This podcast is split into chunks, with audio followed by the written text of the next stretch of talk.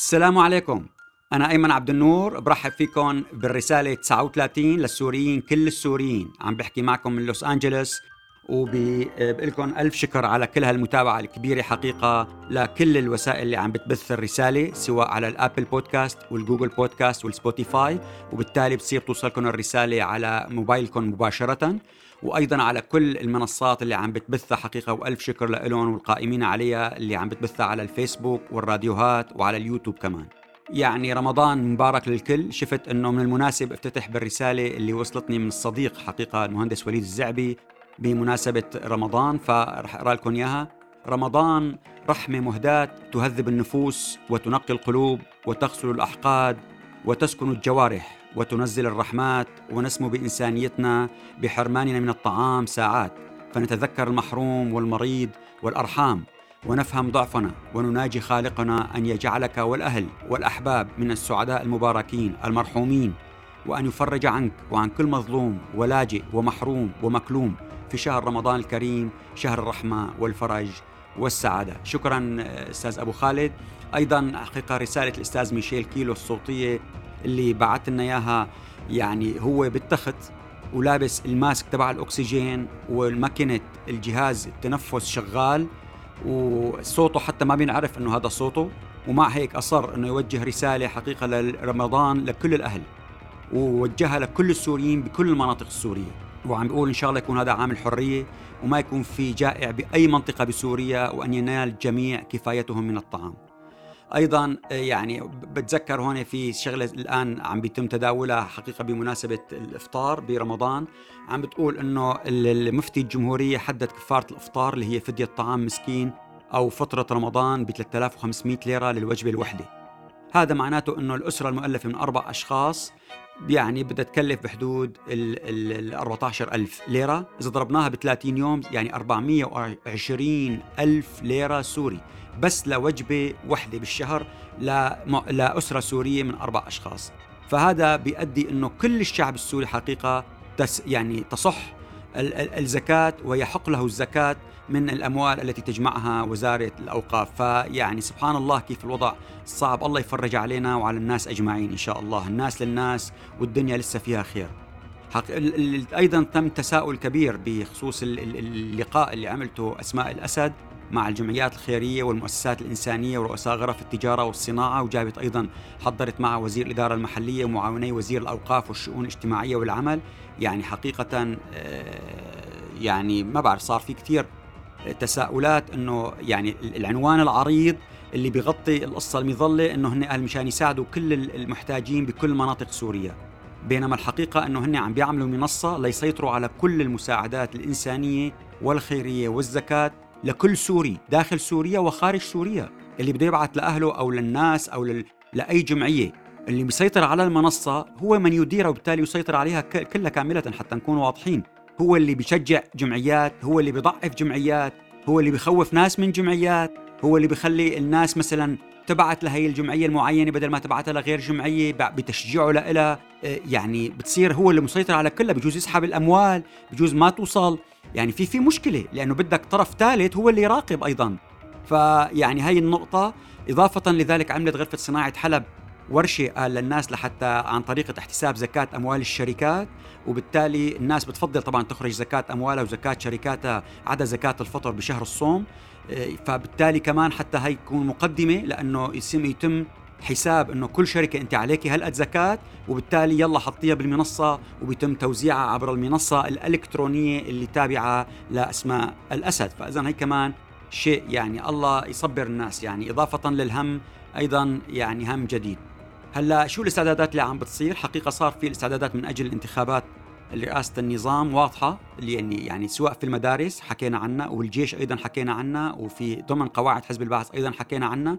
الجديد اللي صار هو من قبل كم يوم اللي هن طلبوا من دائرة الأحوال المدنية اللي هي تابعة لوزارة الداخلية عملت تعميم لكل دوائرها بالمحافظات السورية أنه يتم التعاون مع المخاتير الأحياء والبلدات لحتى يعملوا جرد. لكل القاطنين في تلك المناطق وبالتالي بيبين معهم مين المهاجرين ومين اللي طلعوا برات البلد وبيعرفوا مين اللي بده ينتخب. أيضا وزارة الخارجية عملت تعميم للسفارات وطلبت منهم إنه يفتحوا سجلات اللي هو راغب بالانتخاب. وبالتالي جزء منها أمني بيجمعوا المعلومات من كل هالناس اللي بده ينتخب. شو وضعه؟ اللي رايد ينتخب بتتواصلوا معه. نحن بنعطيك مثلا الميزات كذا بنعفيك من رسم الدخول بنعمل لك ورقة أمنية تعال زور سوريا ارجع إلى سوريا.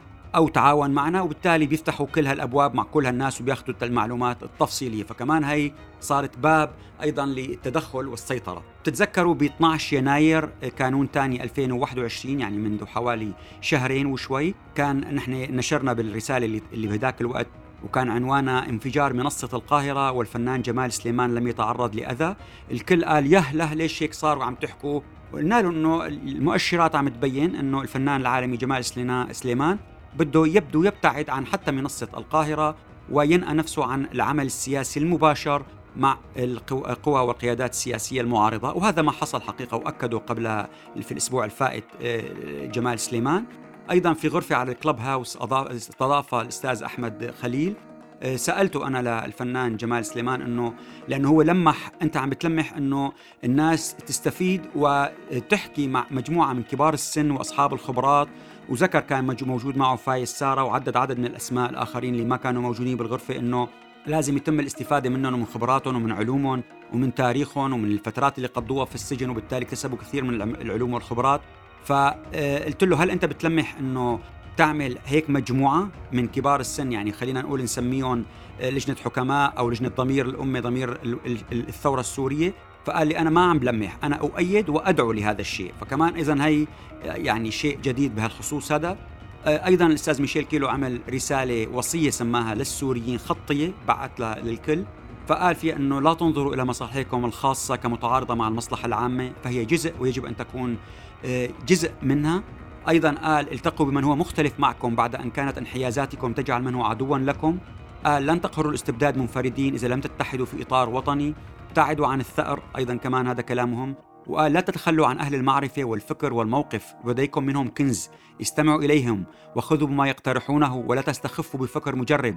وأطيعوهم واحترموا مقامهم الرفيع. كمان إذا عم بأيد الفكرة اللي طرحناها من قبل ثلاث أربع رسائل صوتية بخصوص لجنة الحكماء مجلس الحكماء لجنة العقلاء آه، لجنة ضمير الثورة كل هذا الشيء. كله عم بيصب بنفس القضية. وختم الأستاذ ميشيل كيلو عم بيقول أنتم الشعب وحده من صنع الثورة فلا تتركوا أحدا يسرقها منكم. شو اللي عم بيصير بأمريكا؟ بأمريكا باللجنة الفرعية للجنه الشؤون الخارجية بمجلس النواب ب 15 أبريل نيسان بعد كم يوم. الدكتورة رندا سليم اللي هي من Chatham House مديرة الشرق الأوسط والاستاذ عمر شغري من المنظمة السورية SETF والسيدة جينيفر كافاريلا من معهد دراسات الحرب. راح يكونوا هن شهود ويقدموا شهادتهم عما يجري في سوريا وهذا راح يمكن أصلا الجالية السورية من العمل على تسريع تعاطي مع مسودتين لمسودتين قانونيه موجودين في الكونغرس. وبالتالي أيضا أنا رح أستضيف الدكتورة رندا سليم مشكورة وافقت تعطينا ساعة كاملة من وقتها. رح أستضيفها على الكلب هاوس مشان تحكي شو حكت بالكونغرس تحكي معكم بالعربي ترد على كل تساؤلاتكم واجوبتكم وأيضا رح ناخذ منها إن شاء الله رح أسألها تعمل دقيقتين تحكي فيها معكم مباشرة موجز لشهادتها للناس اللي أنتم في الداخل في كل المناطق داخل مناطق النظام في الساحل السوري في إدلب في مناطق ذات النفوذ التركي في مناطق الشمال الشرق تحت الإدارة الذاتية الكردية. تسمعوا مباشرة منا شو الشهادة وشو اللي صار بالكونغرس الأمريكي. فإذا هي كمان السفير السابق روبرت فورد عملت معه مقابلة اتحاد التنسيقيات السورية وقال ضمن اللقاء إنه كان في عضو للائتلاف إنه كان معه قبل ثلاث أسابيع وزعلت لما قال إنه السوريين يجب أن يأخذوا زمام المبادرة بأنفسهم لأن أمريكا ليس لديها الحل وكذلك بوتين لا يسيطر على بشار الأسد. ودعا يعني أقصد السفير روبرت فورد للحوار حتى مع الموالين في الخارج والوصول إلى معهم إلى نقاط اتفاق وبعد ذلك تطويرها من أجل الحوار مع الموالين في داخل سوريا. وزارة الخزانة الأمريكية أكدت في بيان لها أن تصدير المواد الغذائية الأمريكية ومعظم الأدوية إلى سوريا غير محظور بموجب قانون قيصر وهي رسالة لأهلنا داخل سوريا في مناطق النظام. وأيضا بتقول الخزانة الأمريكية أن الأشخاص غير الأمريكيين والمنظمات غير الحكومية والمؤسسات المالية الأجنبية لن يكونوا معرضين للعقوبات بموجب قانون قيصر لمشاركتهم في مثل هذه المعاملات. فأيضا هذا تطمين للشعب. أيضا موقع جوائز المقابل العدالة التابع للخارجية الأمريكية. نشر حقيقة أعاد التذكير أنه في جائزة 10 مليون دولار على تسليم أمير محمد سعيد عبد الرحمن المولى اللي هو أمير داعش والموجود المتخبئ الآن في شمال شرق سوريا. وأعاد التذكير بوثائق مدققة نشرها مركز مكافحة الإرهاب الدولي في واشنطن. عم بيقول فيها كيف سلم هذا نفسه أمير محمد سعيد مولى آه، سلم زملائه وفي تنظيم داعش الإرهابي ومنهم المغربي أبو جاسم أبو قسورة. وأيضا آه، أبو خالد وأبو الوليد السوري وسلم أيضا مجموعة من الفريق الإعلامي للمجموعة الفرقان وعدد من السيدات كونه هو كان ضد آه، مشاركة النساء في القتال فعم بيقول إنه هذا أنتم كما خانكم أنتم لازم تعبروا وتفضحوا لهذا من قبل اللي مخباينه ويقبضوا ال10 مليون دولار المكافأة عليه. هلا الحدث اللي عمل ضجة أيضا هو زيارة ألكسندر لافرنتيف لدمشق ولقائه بشار الأسد مع علي مملوك وصار في عدد من الأحاديث، حقيقة اولا هو قبل ما يأتي لدمشق عمل زيارات غير معلنة للسعودية آه، ما أعلن عنها ابدا لكن تابعناها نحن وعرفنا هالامر هلأ خالد المحاميد آه، بلقاء له الدكتور خالد المحاميد رئيس نائب رئيس هيئه التفاوض السابقة ذكر بلقاء له تلفزيوني على العربية إنه هذا جاب ألكسندر لافرينتيف آه، جاب رسالة إنذار أخيرة للنظام السوري. وأنه لازم يتعاون ويسرع عمل اللجنة الدستورية وإيجاد الحل السياسي وفق قرار آه، مجلس الأمن الدولي 2254 هلا السيد مشعل العدوي عمل يوتيوب قال إنه المؤامرة جديدة من روسيا على الشعب السوري من أجل جلب أكسجين من دول الخليج للنظام السوري. وقال إنه الصورة اللي عم بيقول عنها لافروف اللي هي رح تجمع بين وفد رئيس وفد اللجنة الدستورية اللي هو الأستاذ هادي البحرة مع احمد الدكتور أحمد الكزبري رئيس لجنة من طرف النظام. هاي الصورة رح يستغلها روسيا من أجل تقول ليكو حلوا وحلوا المشكلة بلشوا في التبرعات وعملوا إعادة أعمار في سوريا. حقيقة نظرا للتضارب في الآراء اتصلنا مع أشخاص من داخل دمشق اللي هن المتطوعين معنا. قالوا لنا روسيا ما تغير موقفها. هذا الحكي من الخارجية السورية على العكس هي تعمل لإعادة سوريا لكرسيها في جامعة الدول العربية. أيضا هي تعمل الآن من أجل أن تقبض مليار حوالي مليار دولار تابعة لمؤسسات هي مملوكة من الحكومة السورية محجوزة عليها بمصارف بالخليج سواء onshore أو حتى أكدوا لنا offshore لحتى تأخذها روسيا تبعت فيها قمح ونفط لسوريا. أيضا أكدوا إنه روسيا وعدت الخارجية السورية بتقديم 500 مليون دولار قرض لمدة طويلة بفائدة منخفضة من أجل أن تشتري الحكومة السورية منتجات من روسيا وبالتالي بخف الضغط على تبديل الليرة السورية وبقوي الليرة السورية، أيضا أعطونا خبر على البيعة إنه ما دام اتصلتوا اتصلتوا فينا، هي كمان الآن من ضمن المشكلة والحقد الدائم الكبير بين يعني فيصل مقداد ووليد المعلم ما مدد لسفيرين برتبة سفير محسوبين على وليد المعلم هن حمزة الدواليبي اللي هو موجود في عاصمة السويد ستوكهولم وما صار له أصلا سنة وشهرين مستلم هو استلم بيناير كانون ثاني 2020 آه، رجعوا ما مدد له رغم إنه في بقرار للسفراء بضلوا لسن السبعين. أيضا سليمان سر السفير اللي كان سابقا بالبحرين وراح بعدها لجنوب أفريقيا أيضا ما مدد له فالاثنين حتى يعني أهانوا للسفير حمزة الدواليبي أعطاه فقط أسبوعين للرجعه بينما هي القانون هو شهرين. فاذا كمان هذا أعطونا يا خبر لياكدوا لنا شو عم بيصير. بوزارة الخارجية يعني حقيقة الوضع مأساوي. أيضا خلينا نحكي عن الروس شو عم بخططوا الآن. حتى ما نندرج إنه الروس لا صاروا هن مع ضد النظام أو كأنه هن لا. الحقيقة الآن في شيء جديد عم يترتب اللي هو مبادرة العمق العربي. قاموا فيها مجموعة من السوريين في الولايات المتحدة. عملوا دراسة في العام الفائت. أرسلوها نهاية العام الفائت لروسيا بالتعاون مع باحثين أيضا روس في مركز مراكز بحث روسية. وتوصلوا إنه يعملوا مثل منصة اقترحوا فيها منصة جديدة حقيقة الإدارة الروسية عجبتهم الفكرة تبنوها. أيضا تم إرسالها لعدد من دول الخليج العربي اللي هي مختلفة عن المحور المنصة الجديدة اللي عملتها روسيا مع تركيا مع قطر لأنه اعتبروها إنه قطر ليست في حالة عداء مع إيران وبالتالي لديها تطابق في عدد من المواقف مع إيران. لذلك قالوا إيه هذا مثله مثل أسيتانا شوف شلتوا إيران حطيتوا قطر. لا نحن رح نعمل منصة جديدة بدنا. فقالوا رح نعمل منصة جديدة فقط عرب وكلفوا المحور اللي كان سابقا بتتذكروا الأربع دول اللي عملوا أيام آه، صدام حسين والملك حسين وحسني الرئيس حسني مبارك والرئيس علي عبد الله صالح. فلا عملوا الآن تنسيق بين ثلاث دول اللي هي العراق والاردن ومصر بعد بسبب ظروف اليمن وطلبوا منا إنه هي تكون منصة عربية جديدة. ونظرا للعلاقات آه، بين العراق ورئيس النظام السوري بشار الأسد فقالوا إنه بتعمل خطوة خطوة. أنت بتقدم مثلا خطوة من أجل تقزيم حدود إيران وحزب الله تطلق معتقلين تعمل إدارة ذاتية موسعة وفي شمال شرق سوريا وأيضا في جنوب سوريا في السويداء ودرعا وأيضا توسع البعد السياسي الإصلاح السياسي في المفاوضات اللجنة الدستورية. وبمقابل ذلك بتاخذ عدد من الروائز اللي هي مساعدات عربية آه، فتح سفارات دخول لجامعة الدول العربية أخذ إذن واستثناءات من أمريكا من أجل بعض المشاريع تمويل أغذية إعطاء قروض وفك الأموال المحج يعني عديد من القضايا. فإذا خطوة خطوة هذا اللي عم بيصير. حقيقة أنا يعني أعطيت رأيي فيها في آه، قبل ما يرسل المبادرة إنه ما ممكن نتوقع خيرا من النظام السوري وإنه يعمل ضد إيران. هذا فيها سذاجة يعني وإنه يتوقع إنه يحققوا هيك نتائج. فهذا لكن هذا الواقع الآن وما هو ما يمشي. النظام أيضا عم بغازل إسرائيل وسماها خير الله خير الله لعبة التذاكي لدى النظام السوري. حيث ذكر الصديق أيضا فريدريك هوف بمك... بالسفير فريدريك هوف بمقال سماه الأسد مزارع يقول له مزارع شبعا سورية بغض النظر عما يدعيه حزب الله. وأكد إنه قال له بشار الأسد شخصيا للسفير فريدريك هوف عام 2011 إنه مزارع شبعا وتلال كفر شوبا هي سورية وليست لبنانية وأن حزب الله يستغلها من أجل المحافظة على بقاء سلاحه وأيضا إنه حتى يكون ما يطبقوا بنود القرار 425 وينتشر الجيش اللبناني في الجنوب. فهي هي الواقع الآن.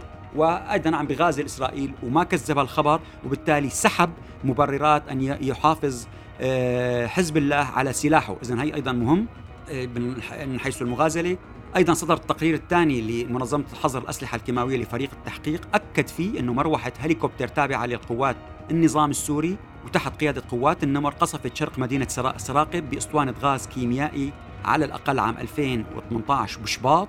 وبالتالي الدفاع المدني السوري الخوذ البيضاء عمل طريقة جدا ذكية. قال معناتها لازم نحن نبلش العقوبات عليه لأنه بما أنه استخدم بال 2012 هو ادعى إنه آه، وفقا لقرار مجلس الأمن الدولي عام 2013 إنه هو سلم كل مخزونه ودمره من السلاح الكيماوي معناته هو كاذب وبالتالي يجب وضع آلية واضحة جادة لمحاسبته. فشكرا أيضا للخوذ البيضاء على هذا الأمر.